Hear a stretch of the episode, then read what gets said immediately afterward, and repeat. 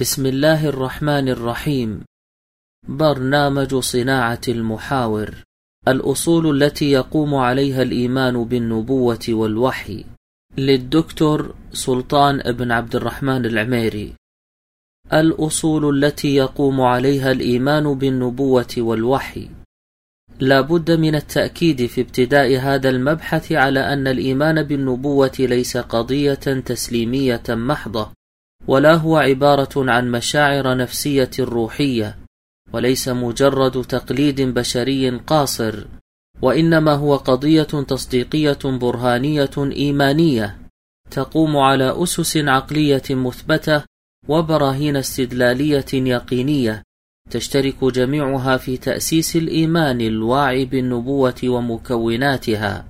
فالإيمان بالنبوة حقيقة وجودية عقلية ومعتقد يوجبه العقل وترشد إليه مسالك الاستدلال المستقيمة.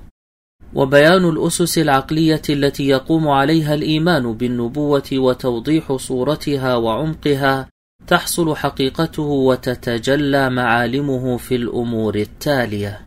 الأمر الأول إمكان النبوة. من الأسس الكلية التي يقوم عليها الإيمان بالنبوة أن النبوة من الأمور الممكنة الوقوع والمراد بهذا أن إنزال الله الوحي على من يصطفيه من عباده أمر ممكن في العقل وفي الوجود وأنه لا يتضمن مناقضة للعقل ولا تعارضا مع قوانين الكون.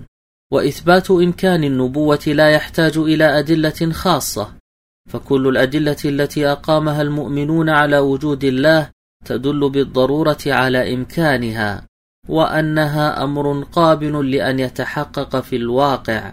وقد أشار القرآن الكريم إلى هذا المعنى المنهجي ونبه عليه كما في قوله تعالى أكان للناس عجبا أن أوحينا إلى رجل منهم أن أنذر الناس وبشر الذين آمنوا أن لهم قدم صدق عند ربهم. قال الكافرون إن هذا لساحر مبين. فظاهرة الوحي والنبوة يجب ألا تشكل عند المؤمنين بوجود الله أي استغراب لأنها ليست أعظم من خلق الكون وإبداعه من العدم وليست منافية لحكمة الله وعدله كما سيأتي بيانه. وبناء عليه فإن المخالف في إمكان النبوة إن كان من أتباع الدين الإلحادي فإن النقاش معه لا يصح أن يتوجه إلى إمكان النبوة بخصوصها لأنه أنكر الأصل الذي يقوم عليه التسليم بحدوثها وهو خلق الكون. وإنما يتوجب أن يكون النقاش معه في إثبات خلق الله للكون وامتناع حدوثه من غير خالق فإن أقر بذلك أمكن الحديث معه في تفاصيل الكون ومنها النبوة والوحي وإن لم يقر فلا فائدة ذات بال من الحوار معه إلا في إثبات إمكانه العقلي.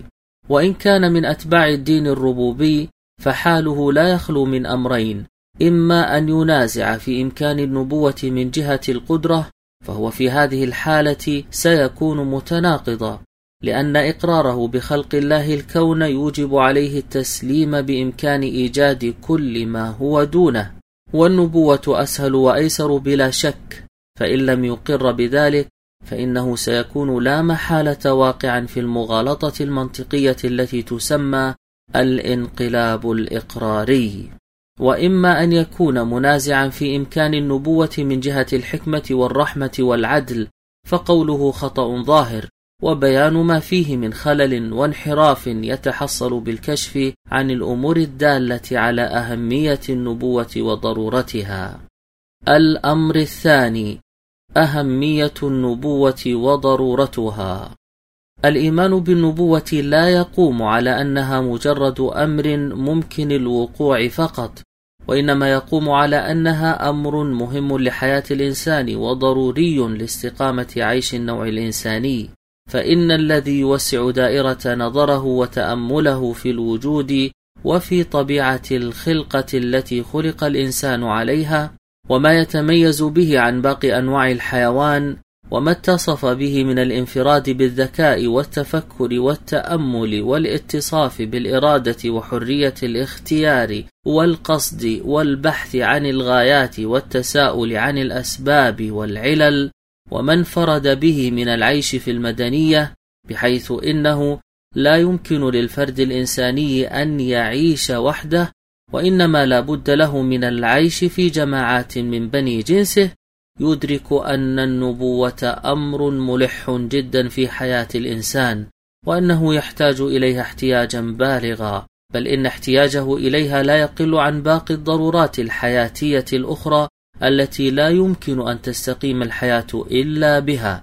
ويدرك أيضا أن وجود النبوة وتحققها في الواقع وإرسال الله للرسل إلى الناس هو الأمر المتوافق مع الحكمة والمنسجم مع الرحمة والعدل. ويدرك أيضا أن وجود النبوة وتحققها في الواقع وإرسال الله للرسل إلى الناس هو الأمر المتوافق مع الحكمة والمنسجم مع الرحمة والعدل. والتقرير السابق ليس مجرد عبارات عاطفية ولا ادعاءات خاليه من الدليل والبرهان وإنما هي تعبير عن حقيقة يقينية تقوم على معان عقلية ومكونات وجودية تشترك جميعها في إثبات ضرورة النبوة للنوع الإنساني وشدة احتياجه إليها. وفي سياق الاستدلال على هذه الحقيقة لا بد من التأكيد على أنه يجب أن يكون اعتمادنا على النظر العقلي الصحيح والتأمل الوجودي المستقيم. ولهذا فإننا لن نعتمد على نصوص الكتاب والسنة في إثبات تلك الحقيقة إلا عرضا واستئناسا لأنه لا يصح منهجيا أن نثبت أهمية النبوة وضرورتها من خلال نصوص النبوة نفسها لمن كان غير مؤمن بها فإن في ذلك وقوعا في خطأ منهجي ظاهر وهو الدور الاستدلالي المعيب. وقبل الولوج في إقامة الأدلة على ضرورة النبوة وشدة احتياج النوع الإنساني إليها لا بد من التأكيد أن ما سنقيمه من الأدلة ليس المراد به إثبات صدق النبوة في نفسها وصدق المدعي لها. وإنما المراد به ذكر الدلالات التي تدل على أن تحقق النبوة متوافق مع الحكمة والرحمة والعدل ومنسجم مع العقل ومتسق مع طبيعة الوجود وأن عدم تحققها مناف لتلك الحقائق كلها.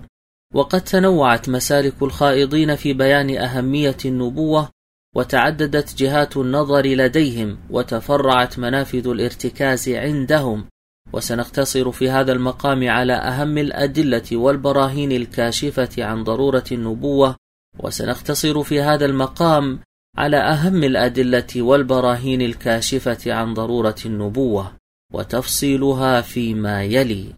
الدليل الأول أن النوع الإنساني لا بد أن يكون خاضعا لله وعابدا له ومتذللا لجلال الله وجبروته لأن الإنسان جزء من المخلوقات وكل مخلوق لا بد أن يكون تابعا لخالقه وخاضعا لجبروته ولا يصح بحال من الأحوال أن ينخلع من هذه الصفة أو أن ينزعها عن نفسه.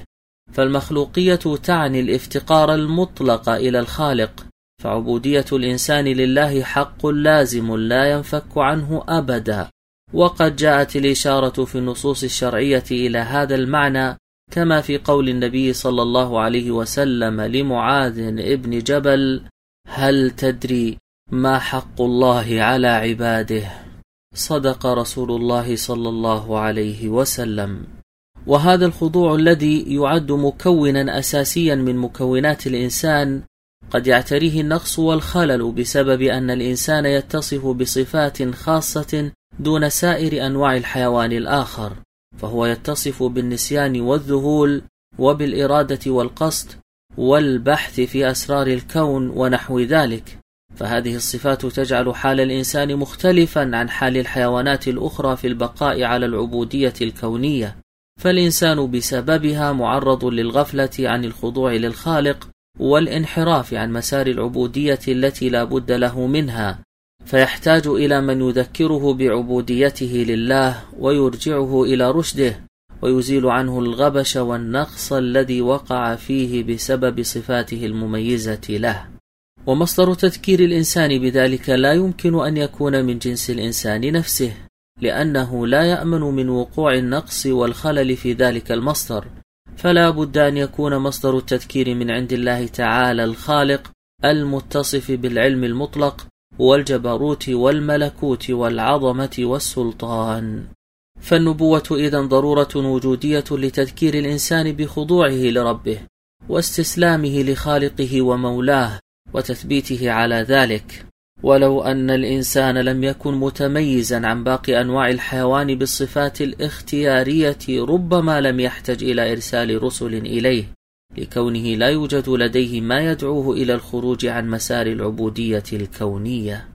الدليل الثاني أن الله تعالى أعلى الموجودات وأكملها وأجلها وهو سبحانه الخالق للأكوان كلها والمتصف بالكمال المطلق في كل الصفات والنفوس البشرية تتشوف إلى معرفته والإزدياد من العلم به والتعرف على أسمائه وصفاته وكمالاته. فإن النفوس مجبولة على التعلق بالكمال والتشوف إلى الاقتراب من المتصف بالعلو والمكانة وكلما ازداد العلو والكمال ازدادت النفوس تعلقا به وتشوفا إليه. ولهذا كان العلم بالله تعالى أفضل العلوم وأشرفها وأجلها وأعلاها فإن العلم يشرف بشرف المعلوم والله تعالى هو أشرف ما يمكن أن تتعلق به العلوم الإنسانية كلها. وكذلك فإن النفوس الإنسانية تتشوف في العادة إلى معرفة مصدر كل الأمور وخاصة إذا كان ذلك الأمر في غاية الدقة والإبهار والجمال والعظمة. وكلما ازداد الشيء عظمة وجمالا ازداد تشوف النفوس إلى مزيد العلم به. ولذلك فإن النفوس الإنسانية ستكون لا محالة متشوفة إلى المصدر الذي كان سببا في حدوث هذا الكون العظيم المبهر وهو الله الخالق سبحانه. فالنفوس الإنسانية إذا متعلقة بالعلم بالله ومتشوفة إليه غاية التشوف لكماله وجلاله ولكون خالق الكون قد أنشأه من العدم. وإذا كان لابد للنفوس الإنسانية من العلم بالله ولا يمكن أن تنقطع عن ذلك.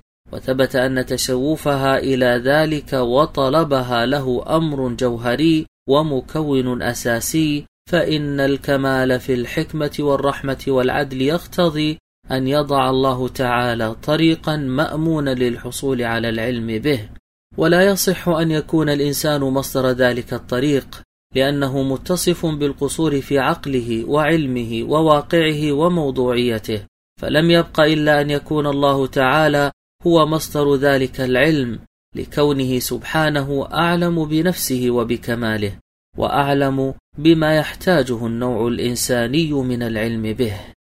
الدليل الثالث إذا ثبت أن الله تعالى هو الخالق للإنسان وثبت أن المخلوق لا يمكنه أن ينفصل عن الخضوع لخالقه البتة ويتعذر عليه الانفصال عن الافتقار إليه فهذا يدل على أن الإنسان لا بد أن يكون بينه وبين الله اتصال دائم وعلاقة وارتباط مستديم كسائر المخلوقات الأخرى.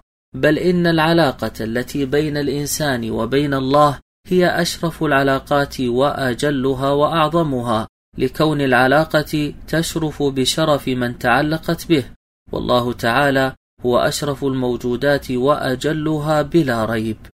وإذا ثبت أن العلاقة بين الإنسان وبين الله هي أشرف العلاقات وأجلها فإن الضرورة العقلية تقتضي أن تكون تلك العلاقة قائمة على أعلى الأوصاف وأكملها وأتقنها وأنسبها للكمال والرفعة. وإذا ثبتت هذه المعاني فإنه لا يصح أن يكون الإنسان مصدرا لتحديد القوانين والمعاني التي تقوم عليها تلك العلاقة الشريفة لكونه قاصرا في عقله وعلمه وإدراكه وموضوعيته فإن الإنسان قاصر عن معرفة المعاني التي تناسب أقرانه من الناس ويجهل كثيرا من الأمور التي يحبها أو يبغضها بنو جنسه. وتراه يحدد أشياء كثيرة لضبط علاقته مع الآخرين ثم يكتشف أنها لم تكن مناسبة أو أنها كانت خاطئة. فإذا كان الإنسان عاجزا عن ضبط العلاقة بينهم وبين بني جنسه فكيف يمكنه أن يضبط العلاقة بينه وبين الله تعالى؟ إن واقع الناس اليوم وقبل اليوم يدل دلالة ظاهرة على أن مصدر ضبط العلاقة بين الله وبين الناس يجب ألا يكون راجعا إلى الإنسان. ألا ترى أن الناس حين اعتمدوا على عقولهم وأذواقهم في ضبط العلاقة بينهم وبين الله كيف ضلوا الطريق وتفرقت بهم الآراء في كل اتجاه وذهبت بهم الأقوال كل مذهب؟ ألا ترى أن منهم من أخذ يعبد الشجر والحجر؟ ومنهم من تعلق بالنجوم والكواكب ومنهم من طفق يعبد الحيوانات من البقر والفئران وغيرها. ألا ترى حين اعتمد الناس على عقولهم كيف وقعوا في أنواع من الأعمال المناقضة للعقل والمنطق وأصناف من الأفعال المستشنعة المستقبحة؟ لا جرم أن المعاني السابقة كلها تدل على أنه لم يبق مصدر لضبط العلاقة بين الله والناس إلا أن يكون الله تعالى هو ذلك المصدر لأنه هو العالم بكل شيء وهو الحكيم في كل أفعاله. وتدل على أن النوع الإنساني في حاجة إلى ربه لكي يرشده إلى الطريق ويكشف له عن المعاني التي يجب أن يلتزم بها في علاقته التي لا يمكن أن ينفك عنها مع خالقه ولا يمكن أن يكون لديه علاقة أشرف منها وأكمل. ثم إنه فضلا عن ذلك كله فإن الكمال في الحكمة والرحمة والعدل يقتضي أن يتفضل الله على الناس ببيان المعاني التي يجب عليهم الالتزام بها في علاقتهم معه بالعبودية والخضوع. فإنه لو وجد ملك عظيم في الدنيا ولله المثل الأعلى هذا الملك يحب الناس والناس يحبونه فإن العقل والحكمة يقتضيان أن يقوم ذلك الملك بتحديد المعاني والقوانين التي ينبغي على الناس الالتزام بها حين يرغبون في مقابلته والاتصال به. فيحدد لهم الأمور التي يجب عليهم الأخذ بها والأمور التي يكره فعلها حتى لا يقوم أحد بمخالفتها. فتفسد تلك العلاقة الجميلة التي قامت بينه وبين شعبه المحب له. وتحقق هذه المعاني في حق الله تعالى أولى وأحق. فإن العقل يقتضي أن يكون من كمال حكمة الله ورحمته أن يحدد للناس الأمور التي توجب محبته حتى يلتزموا بها والأمور التي توجب غضبه حتى يبتعدوا عنها. وبيان ذلك كله هو أحد أهم الوظائف التي يقوم بها الأنبياء والرسل. فالنبوة وإرسال الرسل إلى الناس ليعرفوا ما يحبه الله ويرضاه هو مقتضى كمال الله في رحمته وإحسانه لخلقه. ولهذا جعل الله إرسال النبي صلى الله عليه وسلم مظهرا من مظاهر رحمته للناس كما قال تعالى لقد من الله على المؤمنين إذ بعث فيهم رسولا من أنفسهم يتلو عليهم آياته ويزكيهم ويعلمهم الكتاب والحكمة وإن كانوا من قبل لفي ضلال مبين. ومن تمام هذا البيان أن يذكر الله للمؤمنين ما يترتب على التزامهم بالأمور التي يحبها من الأشر والنعيم وما يترتب على فعل الأمور التي يبغضها من الوزر والعقوبة. حتى يكون الناس أكثر حرصا على ضبط علاقتهم مع الله ربهم وخالقهم. ولهذا ذكر الله أن من وظائف الرسل التبشير والإنذار كما قال تعالى رسلا مبشرين ومنذرين لئلا يكون للناس على الله حجة بعد الرسل وكان الله عزيزا حكيما. فكما أن الرسل يبينون للناس ما يحبه الله ويرضاه وما يكرهه ويبغضه فإنهم يبينون لهم ما يترتب على أفعالهم طلبا لمزيد من الإعذار وإقامة الحجة على الناس وهذا من رحمة الله بالعباد. فإنه إذا كان الإنسان لا بد له من الوقوف بين يدي خالقه ولا بد له من الحساب والسؤال فإن من تمام الرحمة والحكمة والعدل أن يبين له ذلك حتى يكون على بينة من أمره ومآله. الدليل الرابع أن الإنسان يعد أشرف المخلوقات المعلومة لنا وأعلاها قدرا ومنزلة وأجلها فضلا في حياته وعيشه وهو متصف بخصائص تميزه غير باقي أجناس الحيوان. كالاتصاف بالإرادة والقصد والبحث عن العلل والغايات واتصاف النوع الإنساني بهذه الأمور يستوجب بالضرورة تنوع الأفعال الصادرة عنه. فالحركات الاختيارية لا بد أن تكون متنوعة في طبيعتها فبعضها خير وبعضها شر وبعضها نافع وبعضها ضار وبعضها عدل وبعضها ظلم. ولا بد للإنسان من معيار عادل يضبط به مقاييس الموازنة بين تلك الأفعال الاختيارية وميزان يفرق بين الصالح والفاسد. والعقل الإنساني لا يمكنه أن يقدم المعيار الشامل الذي يستوعب كل التصرفات الاختيارية الصادرة من الإنسان ولا يقدر على بناء الميزان الذي ينطبق على جميع ما يفعله النوع البشري من الأفعال الاختيارية من البيع والشراء والإعطاء والأخذ والرد والقول والفعل وغير ذلك لأن تحديد الميزان المناسب لكل تلك الأفعال وضبط المعيار العادل فيها لا بد أن يكون مبنيا على أساسين. الأول شمول العلم واستيعابه لكل الأفراد والثاني كمال التجرد الذي ينفي كل أصناف الميل والحيد عن الاعتدال.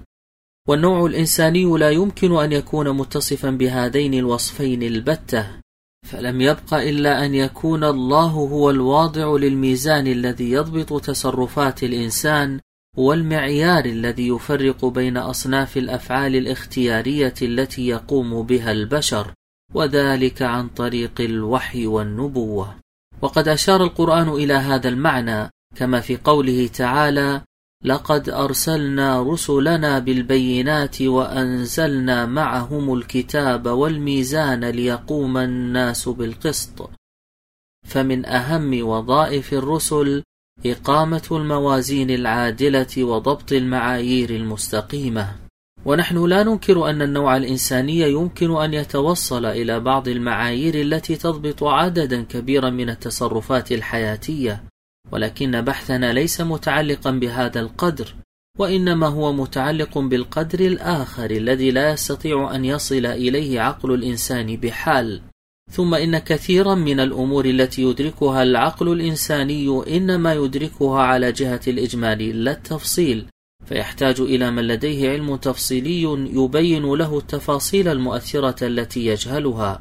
فكما أن الناس يمكنهم أن يفرقوا بين جملة النافع والضار من البقول والأطعمة والأشربة إلا أنهم يحتاجون إلى مختصين وخبراء لديهم علم تفصيلي بتلك المضار والمنافع فيعتمدون عليهم في بيانها. فكذلك في شأن الأمور المتعلقة بالجوانب الروحية والأمور المتعلقة بالعلاقة بين الله وبين خلقه. فالناس قد يمكنهم معرفة أصول المنافع والمضار فيها على جهة الإجمال فيحتاجون إلى من لديه علم تفصيلي بها لكي يحدد لهم تفاصيل ما يحصل به النفع وما يحصل به الضرر وهم الأنبياء الذين تلقوا الوحي والعلم من عند الله تعالى. وقد كانت هذه المعاني واضحة جدا عند علماء الإسلام وفي بيان شيء منها يقول ابن تيمية الرسالة ضرورية في إصلاح العبد في معاشه ومعاده فكما أنه لا صلاح له في آخرته إلا باتباع الرسالة فكذلك لا صلاح له في معاشه ودنياه إلا باتباع الرسالة. فإن الإنسان مضطر إلى الشرع فإنه بين حركتين حركة يجلب بها ما ينفعه وحركة يدفع بها ما يضره. والشرع هو النور الذي يبين ما ينفعه وما يضره والشرع نور الله في أرضه وعدله بين عباده وحصنه الذي من دخله كان آمنا. وليس المراد بالشرع التمييز بين الضار والنافع بالحس فإن ذلك يحصل للحيوانات العجم فإن الحمار والجمل يميز بين الشعير والتراب بل التمييز بين الأفعال التي تضر فاعلها في معاشه ومعاده كنفع الإيمان والتوحيد والعدل والبر والتصدق والإحسان والأمانة والعفة والشجاعة والحلم والصبر والأمر بالمعروف والنهي عن المنكر وصلة الأرحام وبر الوالدين والإحسان إلى المماليك والجار وأداء الحقوق وإخلاص العمل لله والتوكل عليه والإستعانة به والرضا بمواقع القدر به والتسليم لحكمه والانقياد لأمره وموالاة أوليائه ومعاداة أعدائه وخشيته في الغيب والشهادة والتقرب إليه بأداء فرائضه واجتناب محارمه واحتساب الثواب عنده وتصديقه وتصديق رسله في كل ما أخبروا به وطاعته في كل ما أمروا به مما هو نفع وصلاح للعبد في دنياه وآخرته وفي ضد ذلك شقاوته ومضرته في دنياه وآخرته. ولولا الرسالة لم يهتد العقل إلى تفاصيل النافع والضار في المعاش والمعاد. فمن أعظم نعم الله على عباده أن أرسل إليهم رسله وأنزل عليهم كتبه وبين لهم الصراط المستقيم.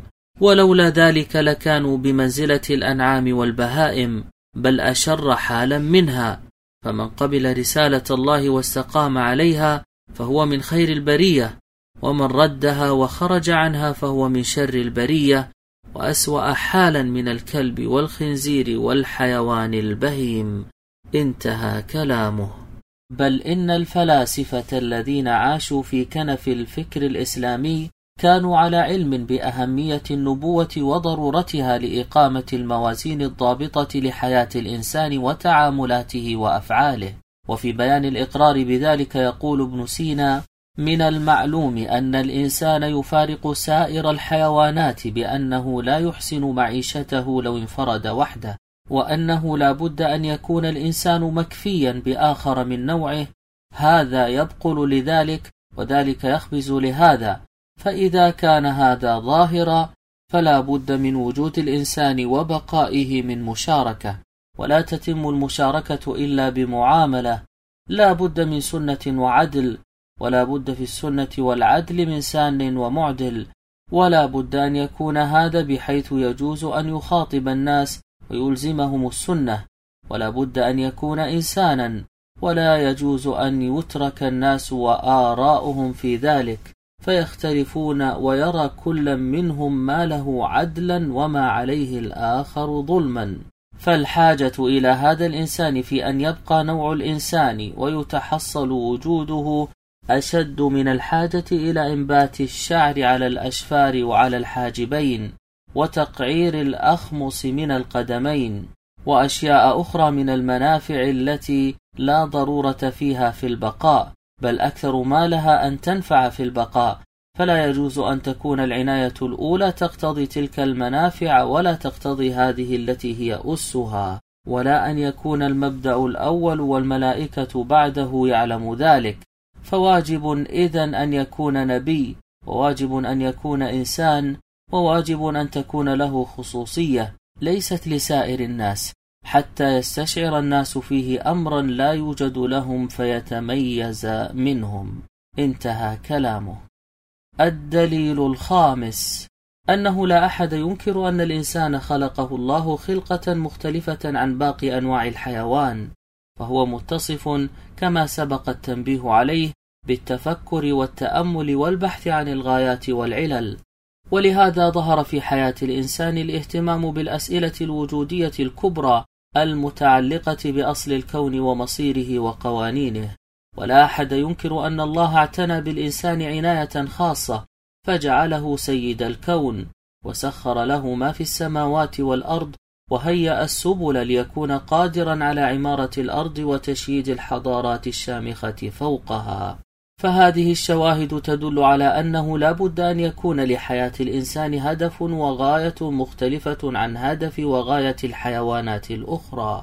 فمن المستبعد عقلا أن يكون الإنسان متميزا عن باقي أنواع الحيوانات بتلك التميزات ثم لا يكون مختلفا عنها في قيمة الحياة وهدفها وغايتها.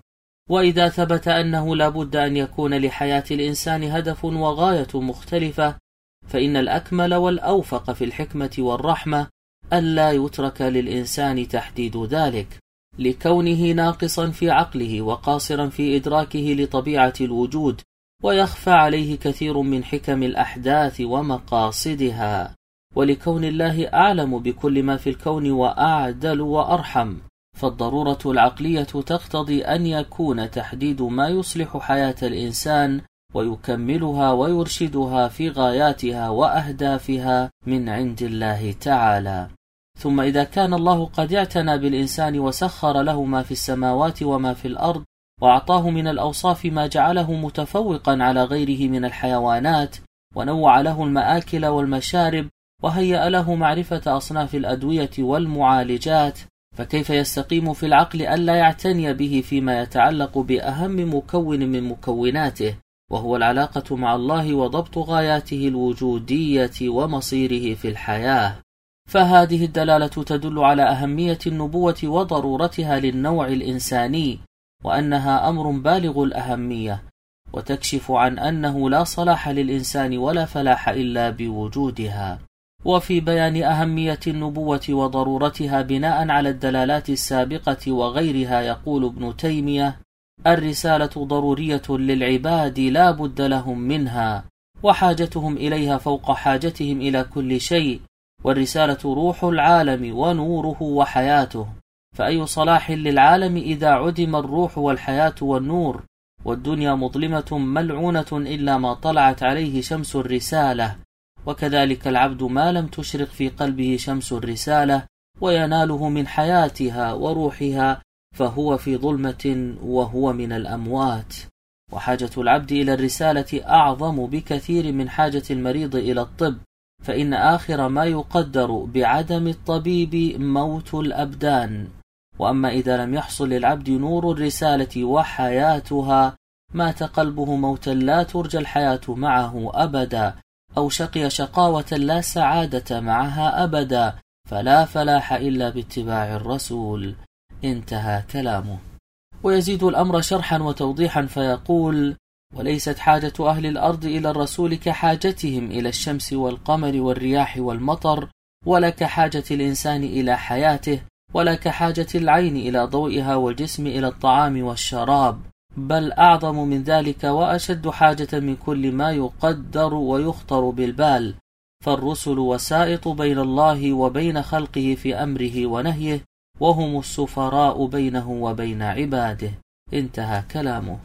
ويتوسع ابن القيم في شرح الأوجه الدالة على ضرورة النبوة ويربط بينها وبين السعادة الإنسانية والصلاح الدنيوي بناء على أن الإنسان لا بد أن تكون حياته مختلفة عن حياة الحيوانات الأخرى وأن تكون أعلى وأكمل من غيرها. فيقول لا سبيل إلى السعادة والفلاح لا في الدنيا ولا في الآخرة إلا على أيدي الرسل ولا سبيل إلى معرفة الطيب والخبيث على التفصيل إلا من جهتهم ولا ينال رضا الله البتة إلا على أيديهم. فالطيب من الأعمال والأقوال والأخلاق ليس إلا هديهم وما جاءوا به فهم الميزان الراجح الذي على أقوالهم وأعمالهم وأخلاقهم توزن الأقوال والأخلاق والأعمال. وبمتابعتهم يتميز أهل الهدى من أهل الضلال فالضرورة إليهم أعظم من ضرورة البدن إلى روحه والعين إلى نورها والروح إلى حياتها. فأي ضرورة وحاجة فرضت فضرورة العبد وحاجته إلى الرسل فوقها بكثير. انتهى كلامه. وما أجمل ما ذكره أبو الحسن الندوي في وصف أهمية النبوة وأثرها على الحياة الإنسانية حيث يقول إن المدنية لا تدين لأي طائفة من طوائف البشر كما تدين لهذه الطائفة الربانية. إنها تدين لها في حياتها وبقائها وفي شرفها وكرامتها وفي اعتدالها وسدادها. فلولاهم صلى الله عليهم وسلم لغرقت سفينة الإنسانية بما فيها من علوم وتراث حضاري وفلسفة وحكمة. ولتحولت الأجيال البشرية إلى قطعان من السائبة أو الوحوش. لا تعرف ربا ولا تعرف دينا ولا خلقا ولا تعرف رحمة ولا محبة ولا تعرف معنى أسمى وغاية أعلى من العلف ومن الماء والكلأ.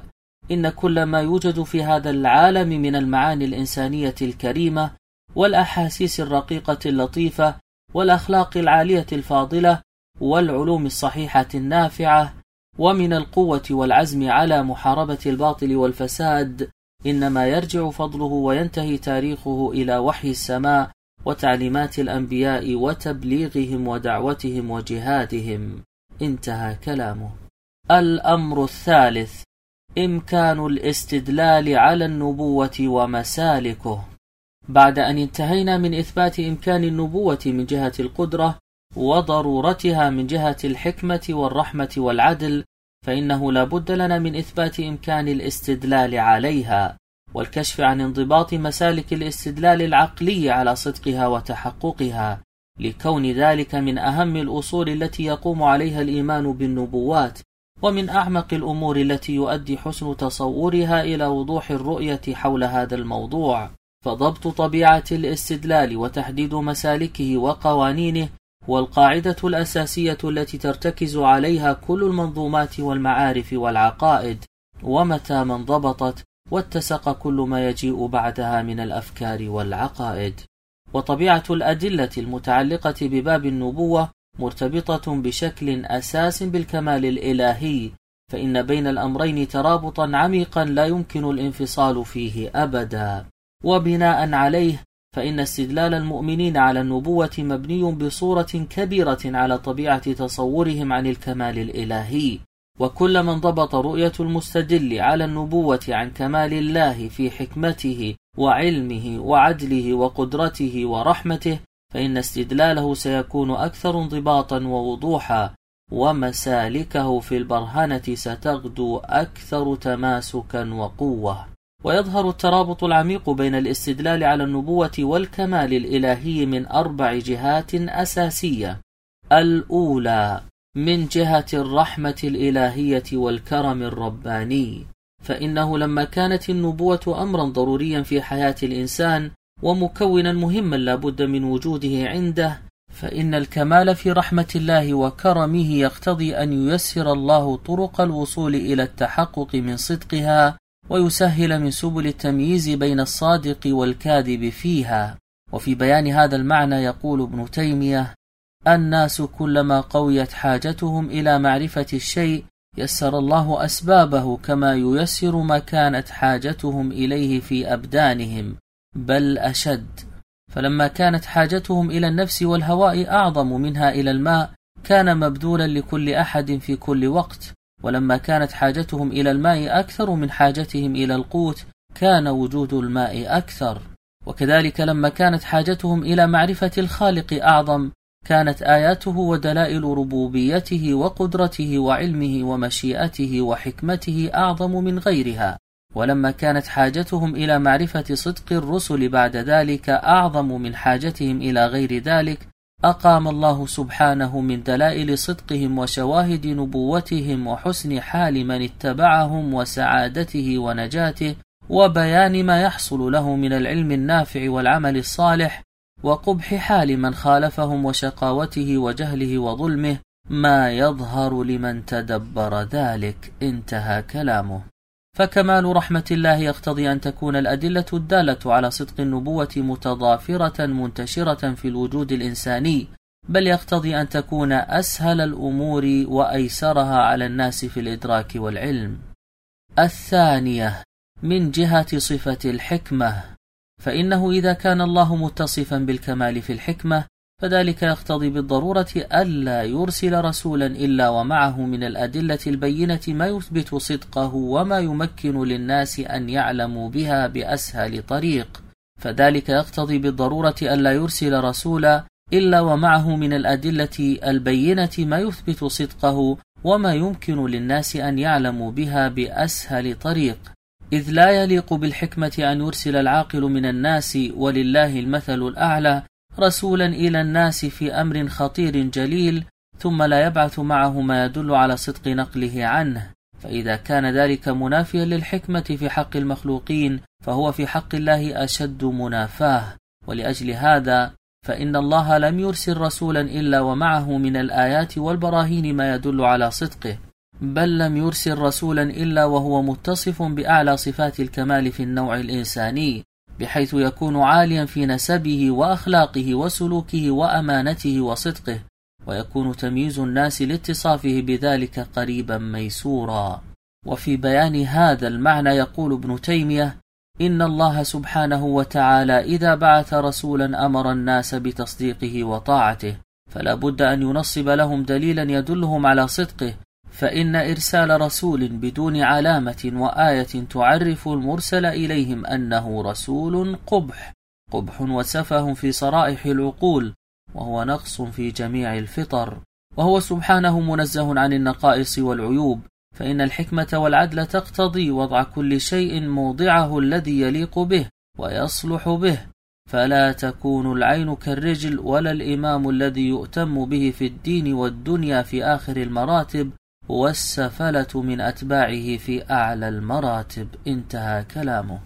ويزيد هذا المعنى إيضاحا وكشفا فيقول كلما كان الناس إلى الشيء أحوج كان الرب به أجود. وكذلك كلما كانوا إلى بعض العلم أحوج كان به أجود. فإنه سبحانه الأكرم الذي علم بالقلم علم الإنسان ما لم يعلم. وهو الذي خلق فسوى والذي قدر فهدى. وهو الذي أعطى كل شيء خلقه ثم هدى. فكيف لا يقدر أن يهدي عباده إلى أن يعلموا أن هذا رسوله؟ وأن ما جاء به من الآيات أنه من الله وهي شهادة من الله له بصدقه. وكيف تقتضي حكمته أن يسوي بين الصادق والكاذب فيؤيد الكاذب من آيات الصدق بمثل ما يؤيد به الصادق حتى لا يعرف هذا من هذا. وأن يرسل رسولا يأمر الخلق بالإيمان به وطاعته ولا يجعل لهم طريقا إلى معرفة صدقه. انتهى كلامه. ويقتضي كمال حكمته ألا يساوي بين النبي الصادق والمدعي للنبوة في الدلائل والبراهين فإن ذلك مناف للمقصود الأول من النبوة. ولأجل هذا ذهب علماء أهل السنة إلى أن الله لا يمكن لكمال حكمته أن يؤيد المدعي للنبوة بالأدلة التي يؤيد بها الصادق وذهبوا إلى أن امتناع ذلك الوقوع لا من جهة القدرة وإنما من جهة الحكمة. وفي بيان هذا المعنى يقول ابن تيمية أما خلق مثل تلك الخارقة المعجزة على يد الكاذب فهو ممكن والله سبحانه وتعالى قادر عليه لكنه لا يفعله لحكمته. كما أنه سبحانه يمتنع عليه أن يكذب أو يظلم. انتهى كلامه.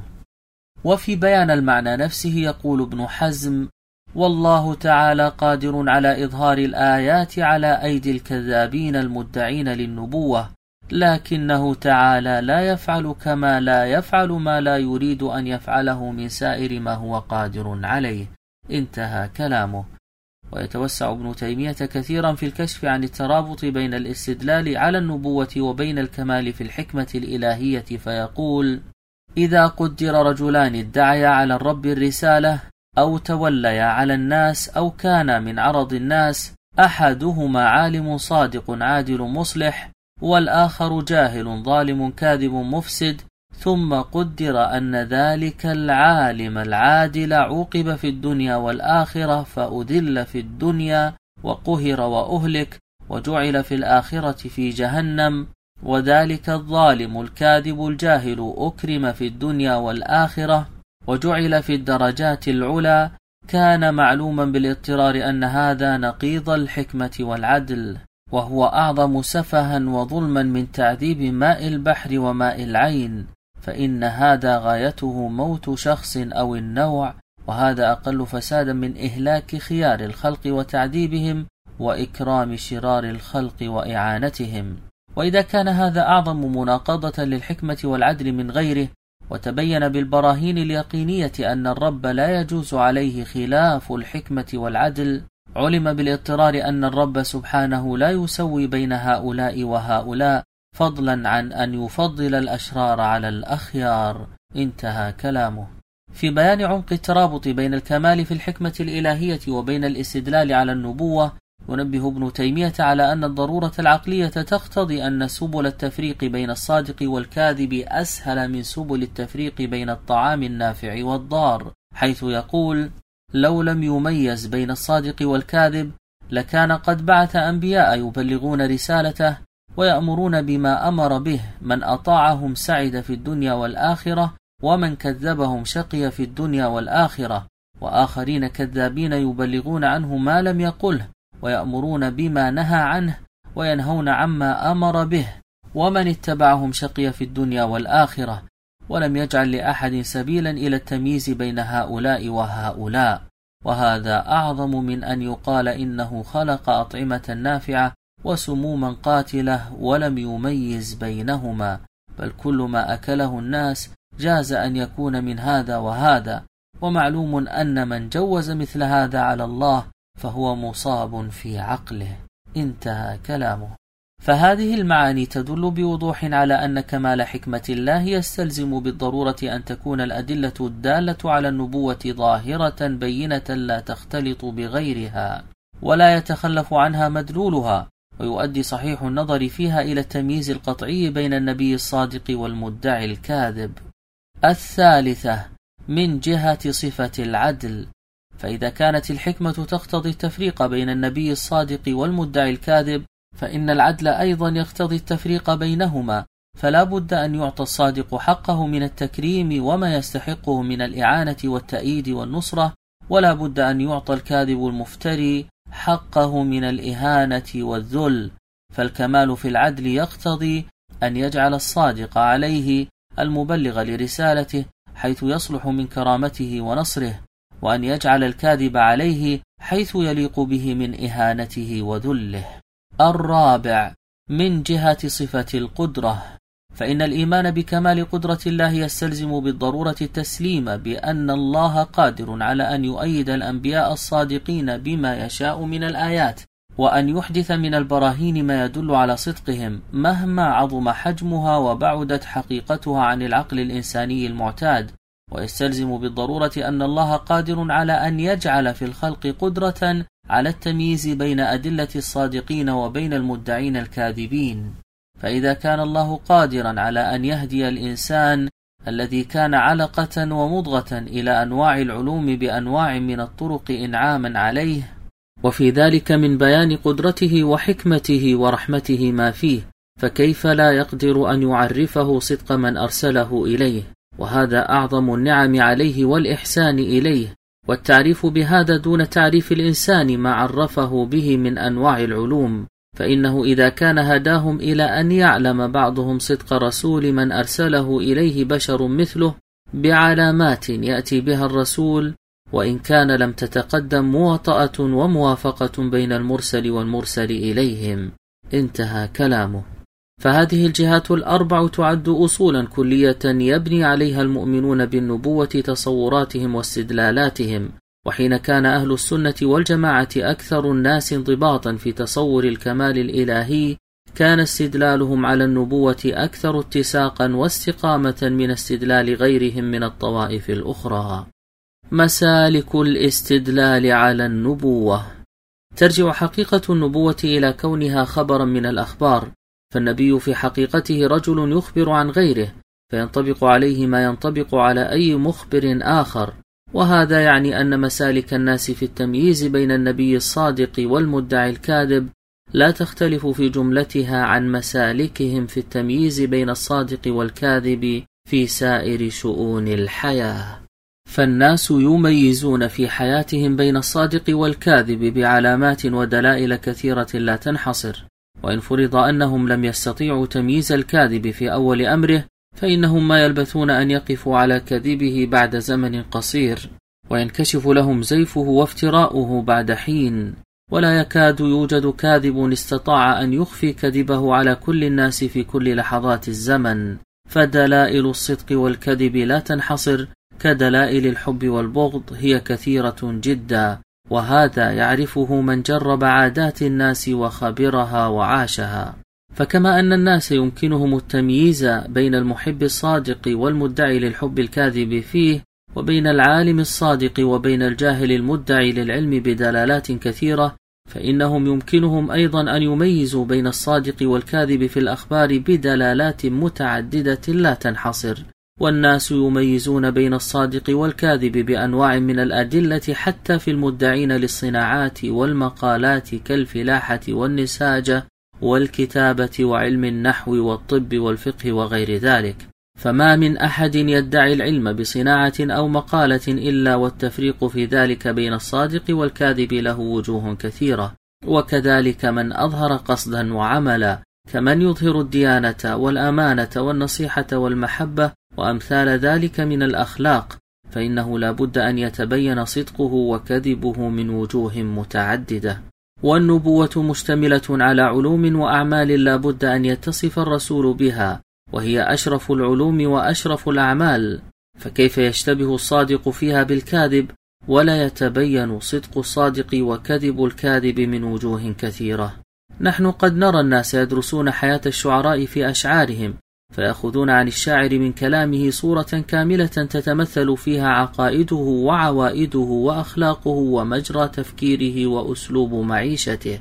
ولا يمنعهم زخرف الشعر وطلاؤه عن كشف رغوته عن صريحه. ذلك أن للحقيقة قوة غلابة تنفذ من حجب الكتمان فتقرأ بين السطور وتعرف في لحن القول. والإنسان مهما أمعن في تصنعه ومداهنته لا يخلو من فلتات في قوله وفعله تنم على طبعه إذا أحفظ أو أخرج أو أحتاج أو ظفر أو خلا بمن يطمئن إليه. فما ظنك بالحياة النبوية التي يعيشها النبي الصادق في دعواه التي تعطيك في كل حلقة من حلقاتها مرآة صافية لنفس صاحبها فتريك باطنه من ظاهره وتريك الصدق والإخلاص ماثلا في كل قول من أقواله وكل فعل من أفعاله. بل كان الناظر إليه إذا قويت فطنته وحسنت فراسته يرى أخلاقه العالية تلوح في محياه ولو لم يتكلم أو يعمل فكيف يمكن مع ذلك ألا يستطيع العقلاء التمييز بين الصادق والكاذب؟ وهذه الأحوال الإنسانية في التمييز بين الأنواع المتضادة قائمة على حقيقة وجودية عميقة الغور. حاصلها أن الله تعالى جعل لكل شيء خصائص تميزه عن غيره وتلازمه في أحواله ولا تنفك عنه بحال. فللصدق خصائص ولوازم لا بد من وجودها في الصادق وللكذب خصائص ولوازم لا بد من وجودها في الكاذب. وكذلك للحب خصائص ولوازم لا بد من وجودها في المحب الصادق وللبغض خصائص ولوازم لا بد من وجودها في المبغض. وفي بيان هذه الحقيقة الوجودية والكشف عن آثارها يقول ابن تيمية إن الله جعل الأشياء متلازمة وكل ملزوم هو دليل على لازمه فالصدق له لوازم كثيرة فإن من كان يصدق ويتحرى الصدق كان من لوازمه أنه لا يتعمد الكذب ولا يخبر بخبرين متناقضين عمدا ولا يبطن خلاف ما يظهر ولا يأتي هؤلاء بوجه وهؤلاء بوجه ولا يخون أمانته ولا يجحد حقا هو عليه.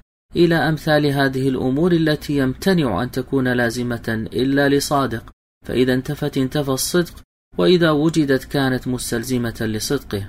والكاذب بالعكس لوازمه بخلاف ذلك وهذا لأن الإنسان حي ناطق والنطق من لوازمه الظاهرة لبني جنسه ومن لوازم النطق الخبر فإنه ألزم له من الأمر والطلب حتى قد قيل إن جميع أنواع الكلام تعود إلى الخبر. فلزم أن يكون من لوازم الإنسان إخباره وظهور إخباره وكثرته وأنه هذا لا بد من وجوده حيث كان. وحينئذ فإذا كان كذابا عرف الناس كذبه لكثرة ما يظهر منه من الخبر عن الشيء بخلاف ما هو عليه من أحوال نفسه وغيره ومما رآه وسمعه وقيل له في الشهادة والغيب ولهذا كل من كان كاذبا ظهر عليه كذبه بعد مدة سواء كان مدعيا للنبوة أو كان كاذبا في العلم ونقله أو في الشهادة أو في غير ذلك وإن كان مطاعا كان ظهور كذبه أكثر لما فيه من الفساد. وهذه الحقيقة ليست خاصة بالصدق والكذب بل هي عامة شاملة لكل حقائق الوجود كالخير والشر والعقل والجنون والكرم والبخل والشجاعة والجبن وغيرها. فهذه الحقائق كلها يميز الناس بينها بحسب خصائصها ولوازمها الوجودية.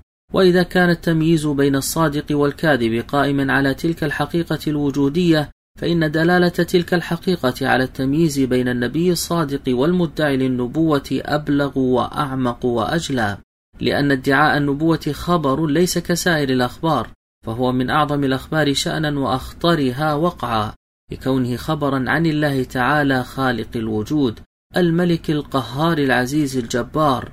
ثم إن النبوة ليست خبرا مجردا وإنما هي أخبار عظيمة مترابطة فالنبوة من حيث طبيعتها مشروع يستوعب كل تفاصيل الحياة ويتضمن أحكاما وتفاريع كثيرة. ولأجل هذا فإن المدعي للنبوة حاله منحصر بين أمرين لا ثالث لهما. إما أن يكون من أصدق الناس وأبرهم فيما إذا كان صادقا وإما أن يكون من أكذب الناس وأخبثهم فيما إذا كان كاذبا.